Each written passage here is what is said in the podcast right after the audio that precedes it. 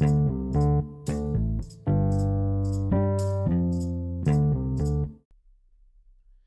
datang di podcast Lulus Sensor, di mana hari ini kita akan bahas tentang artificial intelligence. Ya, nih pasti banyak yang udah tahu pakai namanya Chat GPT. Wah itu banyak banget tuh. Sekarang lagi pada pakai, lagi pada rame-ramenya pakai aplikasi web yang namanya Chat GPT dari OpenAI. Lagi rame kan itu ya. Jadi udah dari lama sebenarnya uh, manusia itu lagi membangun teknologi artificial intelligence. Tapi baru akhir-akhir ini yang bikin rame adalah penggunaan artificial intelligence melebihi oh dalam beberapa bulan ini udah mencapai 100 juta orang. Melebihi progresnya Google, TikTok, Facebook di dalam beberapa bulan ini. Di beberapa bulan pertama mereka. Nah, artificial intelligence itu sebenarnya itu cuma cabang ilmu pengetahuan aja yang mempelajari pembuatan mesin menjadi cerdas seperti manusia. Jadi kayak kecerdasan buatan. Nah, beberapa tahun terakhir artificial intelligence atau AI itu mengalami pengembangan yang wah, gila, gila-gilaan. Terus emang udah jadi bagian penting aja dari banyak bidang kan. Sekarang kalau dilihat banyak uh, teknologi-teknologi sekarang AI powered, AI system gitu kan. Kayak Photoshop, Adobe, Adobe Suite aja udah ada AI enhance buat podcast. Itu ada ada fitur AI-nya untuk ngilangin background noise. Kayaknya ini ntar episode ini juga bakal aku masukin ke situ sih. Nah, kalau kalian lihat di uh, apa? Thumbnail thumbnail podcastnya dan even cover album uh, cover podcastnya untuk lulus sensor kan tuh purely pakai AI cuman ku tambahin tulisan aja. Kayak you just have to type it in to write it in kayak kalian cuman ngetik oh aku mau ini ini ini ini ini ntar gambarnya keluar.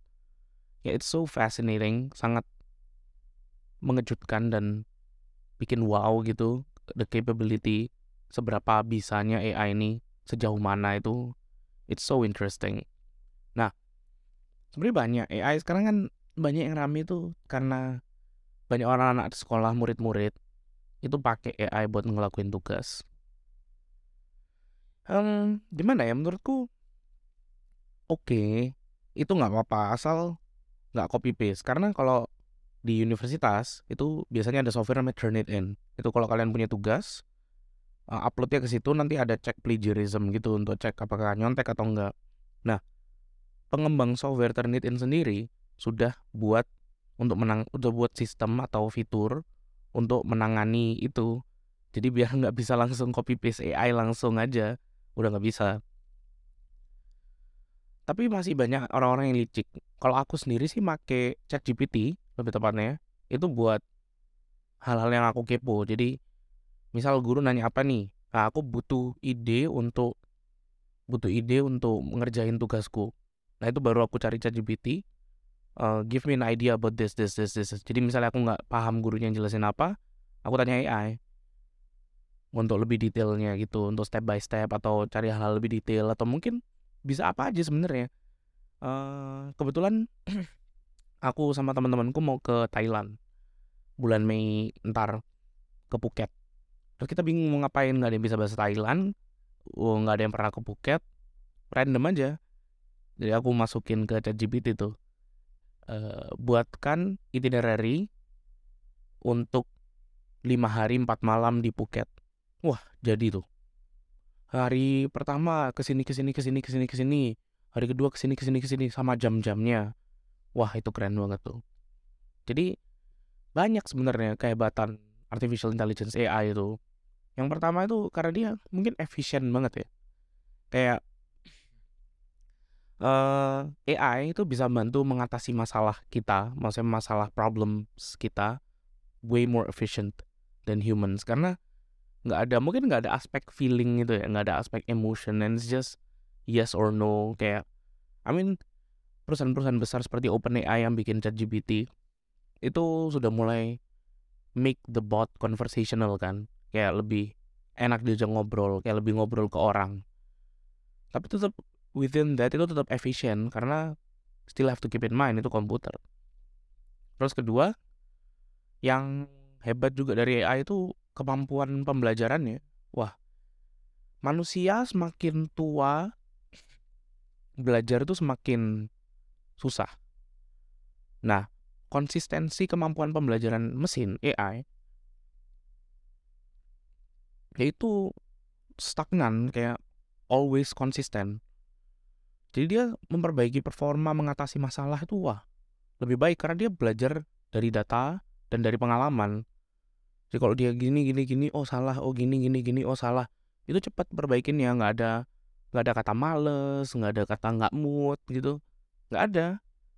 Kemampuan pembelajarannya AI wah gila emang. Terus yang ketiga AI itu jago banget analisis data juga. Karena basically it's built out of data, it's built out of codes, dan dia harus menganalisa data juga. Nah, dia bisa membuat keputusan yang akurat dan cepat.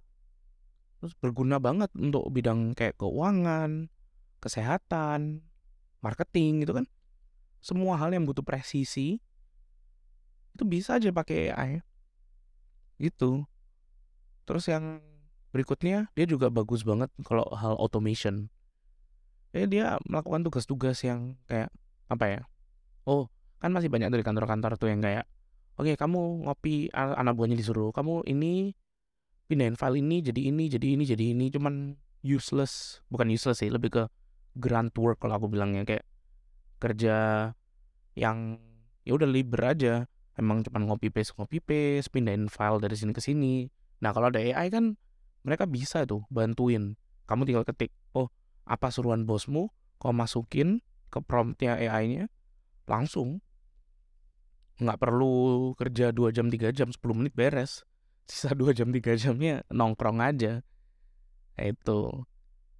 Nah terus yang terakhir mungkin emang kualitasnya sih. AI itu wah mereka bisa memastikan kualitas dan produk dan jasa itu top notch karena analisa datanya tadi itu yang tadi itu. Mereka bisa dengan akurat menganalisa data. Tapi ya kalau menurut ini ya menurut artikel ini sih AI itu walaupun banyak kehebatan masih banyak yang perlu dipertimbangkan. Kayak secara moral terus secara kegunaan. Dan memang perlu pengawasan sih aku setuju banget kalau AI itu perlu pengawasan dan regulasi. Soalnya mungkin ada aja orang yang bikin uh, eh, AI program atau sistem AI untuk automat automatically hack gitu kan untuk mencuri data orang bisa aja. Mungkin emang sama pemerintah atau sama yang buat aplikasi sendiri harus regulasi nah Vice uh, Vice ya itu pernah punya artikel. Uh, artikel Vice itu membahas tentang AI ChatGPT yang dibikin oleh OpenAI lulus ujian izin praktek dokter di US dan program Master of Business Administration di Wharton School. Wah, gimana tuh? Gimana tuh? AI bisa menyelesaikan izin praktek dokter di Amerika Serikat dan juga MBA, Master of Business Administration Berarti kan ya kalau menurut Vice sih uh, ini menunjukkan potensi AI untuk membantu dan memperbaiki proses pendidikan dan pembelajaran. Cuman yang mengerikan adalah sampai sebatas apa AI itu bisa maju? Sampai kapan? Apakah karena pikiranku gini, kalau AI aja aku aja nggak bisa mungkin disuruh lulus ujian izin praktek dokter kan. Disuruh ambil MBA ya mungkin belajar dikit bisa. Tapi untuk program yang bisa semuanya, ChatGPT bisa lulus keduanya. Aduh, aduh. Lucu sih. Menimbulkan ini menimbulkan pertanyaan tentang apa yang akan terjadi pada pekerjaan yang saat ini dilakukan oleh manusia.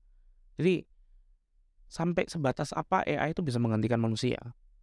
Kalau cuman kerjaan yang kayak tadi yang aku bilang yang cuman kerjaan grunt work, yang ngopi paste file yang cuman minen dari ini ke ini ngopi paste ngopi paste ngisi data oke okay, I mean that's okay Tapi kalau udah bisa lulus ujian ujian izin praktek dokter, terus MBA, apakah masih perlu orang-orang manusia itu untuk ke situ? Untuk apa kita harus upgrade lagi di atasnya MBA apa? Doctorate degree kan? Nah atasnya lagi apa? Masa kita harus bikin lagi atas doctorate degree? Harus jadi profesor gitu, eh sooner or later pasti AI juga bisa. Lebih dari itu, nulis disertasi pasti bisa. Jadi ini ada kekhawatiran bahwa AI dapat menggantikan pekerjaan manusia dan membuat banyak orang kehilangan pekerjaan mereka. Oleh sangat oleh karena itu, sangat penting bagi pemerintah dan industri untuk mempertimbangkan bagaimana AI digunakan dan untuk apa. Ini kan balik lagi ke tadi, regulasi, eh, pengawasan dari pemerintah. Tapi cuman gini, uh, ini kan alat yang sangat berguna gitu ya. Uh, gimana kalau potensinya tuh kalau di fullin tanpa pengawasan tanpa regulasi uh, untuk apalagi untuk dalam hal pekerjaan bukan hal ilegal ya dalam hal untuk oke okay, kamu nggak boleh AI nggak boleh menggantikan ini ini ini ini nah itu apakah nanti itu akan malah akan menunda manusia kayak bikin manusia lebih males kah? Atau lebih banyak unemployment, banyak orang kehilangan kerjaan. Tapi dengan standar servis yang tinggi. Jadi misal rumah sakit nih, dokter itu udah cuman ada dokter yang ini aja yang buat surgery gitu. Udah nggak perlu dokter yang uh, diagnosa itu udah pakai AI full. Tapi standarnya jadi tinggi rumah sakit, tapi banyak dokter kehilangan pekerjaan. Nah itu kan jadi pemikiran akhirnya. Jadi pertanyaan tuh, apakah layak AI menggantikan dokter? Atau misal kayak min di dunia aviasi, dunia penerbangan udah ada autopilot kan. Apakah perlu AI menggantikan pilot untuk meningkatkan standar? I mean Tesla udah bikin mobil yang bisa nyetir sendiri kan, uh, all self driving car, fully autonomous. Ya, kalau bisa dilakukan di semua transportasi dunia, apakah macet akan hilang? Apakah delay pesawat akan udah nggak ada? Ya kan, soalnya kalau dengan AI, misalnya ada sebuah utopia di mana di kota ini bandaranya sudah fully AI. Jadi pesawat-pesawat yang datang tuh juga semua udah autopilot, auto taxi, auto take off, auto landing gitu kan. Mereka juga bisa ngeliat weather, uh, cuaca, sistem cuaca. Jadi ketika oh cuacanya lagi gini nih, semua flightnya menggunakan AI di reschedule otomatis. Yang ke sini bisa, yang ke sini bisa, yang ke sini rute-rutenya otomatis diganti pakai AI. Wah, berarti nggak perlu dong uh, air traffic controller, nggak perlu dong pilot, nggak perlu dong orang-orang kayak uh, check-in desk. Mungkin sekarang aja di banyak negara, di Singapura juga ya, udah di terminal satu kalau nggak salah. Itu udah self check in udah nggak perlu orang untuk jaga. Cuman orang cuman oh kamu ke sini ya. I mean it's saving cost for the airlines kan. Tapi ya meng mengurangi uh, akhirnya mengurangi tenaga kerja. Banyak orang kehilangan pekerjaan. Itu untuk dunia aviasi dunia transportasi semuanya kita aplikasikan misalnya kereta misal bis misal mobil public transport di Singapura. I mean MRT udah nggak ada orangnya kan semua systemized dari dikontrol dari satu gedung. Kalau misalnya kita bisa yang kontrol tuh AI, wah nggak ada lagi kereta telat, nggak ada lagi uh, kereta breakdown. Iya kan? Itu tuh kalau masalah yang manajemen, sebuah bisnis misal, uh, sekolah deh sekolah, sebuah sekolah, mana guru-gurunya uh, bukan guru-gurunya AI ya, gurunya tetap manusia karena that human connection itu kayaknya masih penting. Cuman full dari semua kurikulumnya tuh didesain pakai AI untuk menjadi seefisien mungkin bagi murid. Wah, itu kayak kegunaan yang bagus kan. Untuk kegunaan AI yang bagus. Amin. Akhirnya guru-guru bisa benar-benar tahu kurikulumnya gimana dan tanpa mereka harus kayak oh kira-kira ini masuk nggak ya? Ini masuk nggak ya? Mereka bisa work with what is given kan. Masukin aja itu kurikulum dari kementerian kementerian pendidikan. Masukin ke AI dibuat seefisien mungkin keluarin. Loh I mean in a way undang-undang pun bisa sebenarnya digituin. Undang-undang Indonesia misal. Apa? Kita bicara tanya aja AI tanya pendapat kan tanya chat GPT misal kira-kira dari undang-undang ini apa yang menurutmu kurang? Benar bisa pasti mereka jawab kan. Tapi ya itu sekarang itu udah zamannya di mana tandingnya itu udah bukan tanding pinter-pinteran bukan pinter-pinteran tes nilai tandingnya itu pinter-pinteran nyari di Google. Gimana caranya kamu bisa nemu jawaban ini di Google? Karena nggak nggak mungkin dong cuman bagaimana cara menyembuhkan kanker gitu keluar nggak mungkin. Harus benar-benar detail cara nyarinya harus benar-benar detail uh, kayak bagaimana cara mengetahui ini ini ini itu promptnya itu apa yang kamu ketik di Google apa yang kita ketik di Google tuh harus udah tandingnya itu. Nah sekarang dengan munculnya AI tandingnya adalah cara pakai AI-nya gimana caranya kita bisa mendapat jawaban yang paling memuaskan. Tapi masa akhirnya kita berakhirnya di situ masa kita akhirnya berakhir di ya udah jago-jagoan aja nanya nah itu itu tadi pertama kali akhirnya pertanyaan tadi lagi kan pekerjaan yang dilakukan manusia cuman typing prompts into ChatGPT. Dan baru-baru ini, actually berapa beberapa hari lalu deh, uh, ChatGPT itu bikin sistem berbayar akhirnya. Oke, be udah beberapa bulan ini ChatGPT itu gratis. Cuman dia tuh kalau ini kan aku di Singapura. Singapura itu berarti waktunya plus 8 ya. Kalau WIB kan plus 7, kita plus 8 di Singapura. Nah, kalau udah malam itu udah di atas jam 7 itu high demand. Jadi kita nggak bisa akses ke ChatGPT. Kayaknya banyak orang di belahan dunia lain lagi pada pakai kan soalnya siang hari di sana. Nah, sekarang ChatGPT baru ini kapan nih mereka launching? Februari 1. Ini aku rekam Februari 11, 10, 10 hari lalu mereka mengadakan chat GPT Plus berbayar. Wah. Ngeri, ngeri, ngeri, ngeri. Kan jadi uh, di chat GPT Plus ini 20 dolar per bulan US dollar berarti kalau dirupiahin sekitar 300 ribuan ya. Oh, coba kita lihat. 20 dolar itu 300 ribu. 300 ribuan itu bisa general access to ChatGPT. Jadi walaupun peak times kayak kadang-kadang soalnya kalau udah penuh servernya sekarang ya kalau yang gratis itu nggak bisa masuk kalau lagi rame yang make di di mana pun di dunia. Nah tapi kalau kamu bayar kita bayar 20 dolar bisa pakai walaupun kapan walaupun walaupun peak walaupun rame tetap bisa pakai. Terus benefitnya lagi faster response time. Wih udah cepet menurutku sih sekarang ChatGPT udah cepet ya udah kenceng. Dia jawabnya tuh kita nanya apa dia langsung jawab. Kalau misalnya dengan bayar segini bisa lebih cepat lagi wah lebih produktif lagi nih. Bikin konten juga lebih enak nih. Terus yang ketiga priority access oh, akses prioritas terhadap fitur-fitur baru. I mean fitur-fitur sekarang udah oke okay, dan mereka masih mau improve lagi.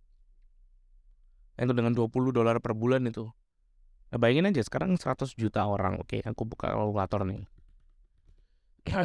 100 juta orang udah usernya ya. Uh, mana ini 100 juta. Satu, tuh dua, tuh dua tiga, tuh dua tiga. Satu juta orang. Kita mungkin satu persen aja, satu persen aja. Satu juta orang yang pakai.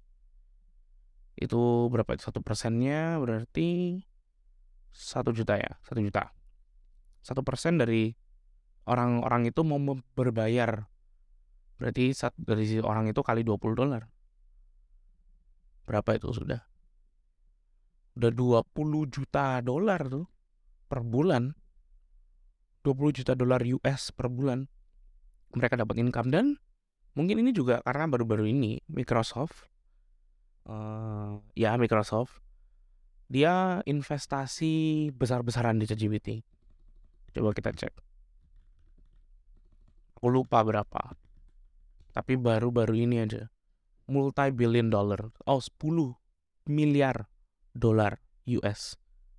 Mereka investasi ke sana dan barusan beberapa hari lalu mereka mau mengintegrasi ChatGPT ke Bing. pasti nggak ada yang tahu Bing itu apa Bing itu saingannya Google tapi nggak ada yang pakai kan itu kalau kalian download PC pertama kali eh, kalian beli laptop atau beli komputer pertama kali PC ya bukan Mac ya. Kalian cuman pakai kalian pasti pernah pakai Bing untuk download Google Chrome. Itu doang emang Bing fungsinya itu. Bing fungsinya pas kamu buka Microsoft Edge atau apa pun itu browser yang pertama kali dapat di laptop uh, download Google Chrome itu pasti kalian cari di Bing. Kalau nggak di Bing pun di Google tapi pakai Microsoft Edge tapi tetap aja habis udah download Google Chrome atau Firefox atau apa pun itu langsung udah pakai Google all the way. Nah itu. Akhirnya Microsoft uh, Microsoft lagi proses mengintegrasi Bing eh ChatGPT dengan Bing. Jadi apa pun yang kalian lihat di page di page uh, yang kalian di website yang kalian browse bisa tanya ke ChatGPT. Misal kalian lagi lihat laporan nih laporan uh, keuangan tahunan gitu atau hasil meeting kalian tinggal buka ChatGPT kayak di Bing itu nanti di aplikasinya ada di Microsoft Edge punyanya Microsoft itu nanti ada sebelahnya ChatGPT langsung udah included udah fitur di softwarenya kalian tinggal minta aja please summarize tolong rangkum laporan ini. Oh, keluar semua nanti laporannya. Wah. Nah, Google ketar-ketir. Google ketar-ketir. Karena viral, Google akhirnya memperkuat AI-nya. Karena eh, mayoritas dari hasil pendapatan Google itu dari search engine mereka. Ya, yang kita pakai sehari-hari ya, Google. Nah, semenjak kemunculan ChatGPT dan integrasinya Bing, Google langsung ketar-ketir karena ini udah beberapa puluh tahun, udah berapa dekade, Google mendominasi pasar search engine. Sangat gila dominasinya. Bahkan e, nomor satu Google, nomor duanya aja pemakaiannya nggak sampai setengah, nggak sampai seperempat dari pemakaian Google penggunanya. Akhirnya si Google ya sibuk merancang strategi ini dari aku barusan cari artikel dari CNN Google benar-benar lagi sibuk merancang strategi mem memperkuat kecerdasan buatannya agar tidak bersaingi ChatGPT. Karena yang menakutkan adalah ChatGPT sudah diinvest oleh Microsoft, Google kalah cepat. Jadi feelingku Google mungkin akan membangun sesuatu. Oh iya, ngomong-ngomong. Beberapa hari lalu kayak minggu lalu, Google itu ngasih presentasi AI-nya dan it was a flop it was a big flop presentasinya mereka sangat-sangat kelihatan banget mereka rushing mereka benar-benar wah kita harus buat something nih itu ya kita lihat aja in the next few years mungkin ya beberapa tahun ke depan siapa yang kira-kira naik dari semuanya? Apakah kita semua bakal balik ke Bing? Uh, bukan balik sih menggunakan Bing. Apa kita akan meninggalkan Google? Karena sekarang Google juga nggak ada fitur-fitur baru di search engine Google ini. ChatGPT ini wah it's really a game changer. Nah ada satu lagi sebenarnya AI yang aku pakai untuk bikin gambar-gambar itu namanya DALL-E. Jadi it's it, lucu banget namanya karena kan kalau kalian tahu ada pelukis namanya Salvador Dali. Uh, dia yang yang lukis apa jam-jam yang meleleh itu terus si OpenAI uh, yang bikin ChatGPT itu sebelum ChatGPT keluar ada namanya DALL-E. Nah, DALL-E itu basically kalian ngetik apa pun ntar dia jadiin lukisannya. Kayak contoh ini di podcast ini, yang episode ini, I Love You nih. Uh, itu gambarnya aku kemarin masukin kalau nggak salah painting of artificial intelligence udah gitu aja. Terus aku edit edit pakai Adobe Express udah beres. Langsung itu gitu aja mereka bisa ngasih empat pilihan tapi yang Indal ini udah mulai berbayar. Uh, jadi hitungannya kayak per kamu nyari itu ambil satu kredit. Kalau kreditmu habis harus beli per top up kebetulan ChatGPT masih gratis. Jadi sebenarnya banyak servisnya OpenAI. Uh, OpenAI ini perusahaan yang emang wah gila banget sih. Emang mereka punya satu lagi namanya Whisper. Mereka punya satu program ya lagi namanya Whisper. Itu anggapannya kalau kamu uh, tahu nggak sih kalau text to speech? Eh speech to text kebalik. Uh, if you say something jadi teks nanti di HP biasanya di iPhone atau di Android juga ada. Kalau malas ngetik pakai itu aja. Nah OpenAI punya namanya Whisper. Kan kadang-kadang kalau kita ngomong mungkin Inggrisnya kurang atau agak cepet-cepet atau kayak agak kelantur nggak ke, nggak kebaca akhirnya nggak jadi teks. Nah tapi Whisper ini pakai AI dia bisa dia bisa benar-benar akurat. Aku belum seberapa nyoba sih karena belum ada kebutuhan nyoba. Tapi ya kita lihat ke depannya gimana? Mungkin bisa bisa sangat berguna ya untuk orang-orang yang mungkin punya disabilitas yang punya kelemahan di beberapa bahasa.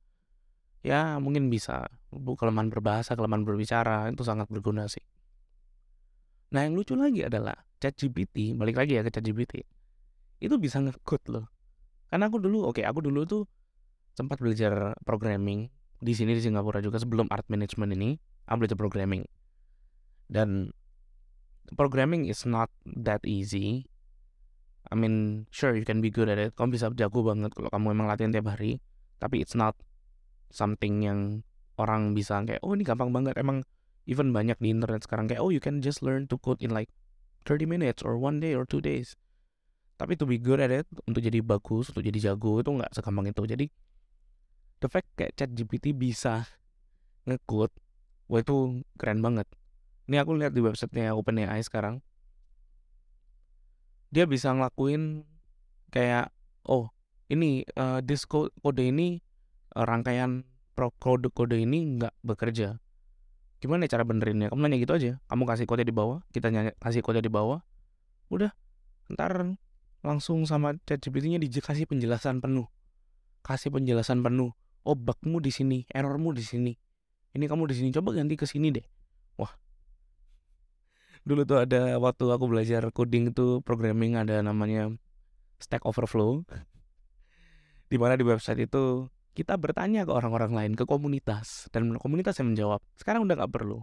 Jadi untuk kalian programmer-programmer yang lagi belajar tapi introvert, bisa coba ChatGPT ya kayaknya menarik bagaimana ya 20 dolar per bulan balik ke premium tadi itu 20 dolar per bulan untuk segininya untuk seba, fitur sebanyak ini. Hmm. kayaknya worth it sih worth it sih. I mean akhirnya aku bisa aja kasih kayak beberapa mungkin beberapa konten dari hari ini ya.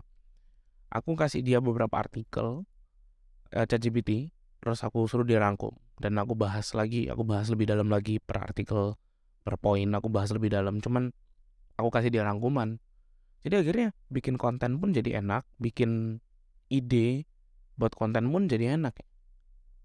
Hmm 20 dolar per bulan worth it sih. Soalnya I mean it's free so nggak perlu juga sebenarnya bayar 20 dolar per bulan kecuali emang workload tinggi perlu yang benar-benar oh ini penting banget nih harus dilakuin sekarang. Then I think you can justify the 20 dollars. Ya itulah artificial intelligence menurutku sih emang manusia ini harus kita ini harus in apa advance in our knowledge and intelligence soalnya kalau enggak nanti kesalip sama AI wah ngeri sih ngeri sih. Even though even though even though even though AI tetap butuh prompt dari manusia tapi paling enggak kita harus tahu uh, apa yang kita yang kita tanyakan tuh harus the right thing at the right time. Itu itu sih. Soalnya AI kan juga nggak secepat itu. Oke okay, chat GPT ini uh, kalau nggak salah ya kemarin data dia itu cuman up to 2021 jadi it's not that up to date nggak seberapa nggak seberapa update gitu sama berita-berita terkini. Tapi itu tidak menutup kemungkinan soalnya kita tinggal taruh aja artikel dari CNN atau BBC yang artikel hari ini gitu kasih chat GPT untuk dianalisa bisa aja. Cuman mereka sendiri nggak punya knowledge tentang 2022 2023 atau hari ini mereka nggak punya. Hah, ngeri sih ngeri. Tapi ya itu aja deh kayaknya hari ini kita membahas artificial intelligence. Aku bakal mungkin sering pakai sih buat konten buat konten podcast ini. aku bakal sering pakai artificial intelligence ya terima kasih telah mendengarkan lulus sensor yang hari ini sebenarnya topiknya ya menarik aja sih pengen share aja sih kayak kalian bisa deh coba coba uh, coba buka di openai.com o p e n a i.com itu kalian nanti bisa lihat ada DALL-E ada ChatGPT. Coba-coba aja uh, familiar familiarize yourself. Coba berusaha belajar cara nulisnya cara nanyanya. Ngobrol lah ngobrol lah sama ChatGPT kayaknya asik. Dan sebenarnya banyak lagi sebenarnya ada banyak uh, banyak AI si program-program AI di internet sekarang. Cuman ada beberapa yang berbayar ada beberapa yang nggak seberapa terkenal dan nggak seberapa bagus hasilnya. Cuman ya coba-coba lah kita dicari. Ya itu dulu untuk hari ini. Terima kasih dan sampai jumpa di episode berikutnya